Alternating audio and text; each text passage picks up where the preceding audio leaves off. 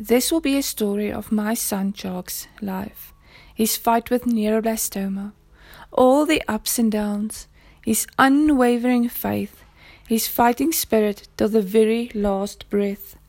This is not a sad story. This is a story through the eyes of a mother's unconditional love for her firstborn. This is a story of our journey that we walked side by side with the most incredible little boy. We as parents want to share Jock's story for childhood cancer awareness, faith like a child, survival after the loss of a child, hope, financial struggles, and many more.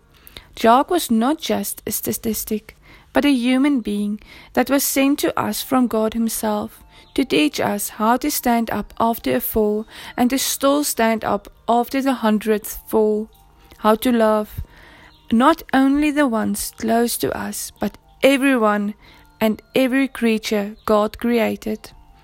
Jock taught us how to smile through the tears and pain, how to be okay with whatever is thrown at us.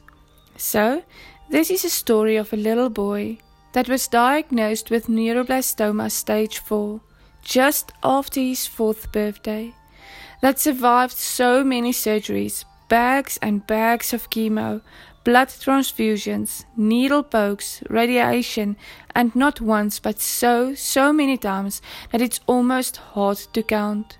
And at the frail eight years old, his earthly body said, Enough is enough, and Jock were ready to go to his forever home. To this podcast will be hard to listen to sometimes and even harder to record most of the times, but Jock's story need to be shared.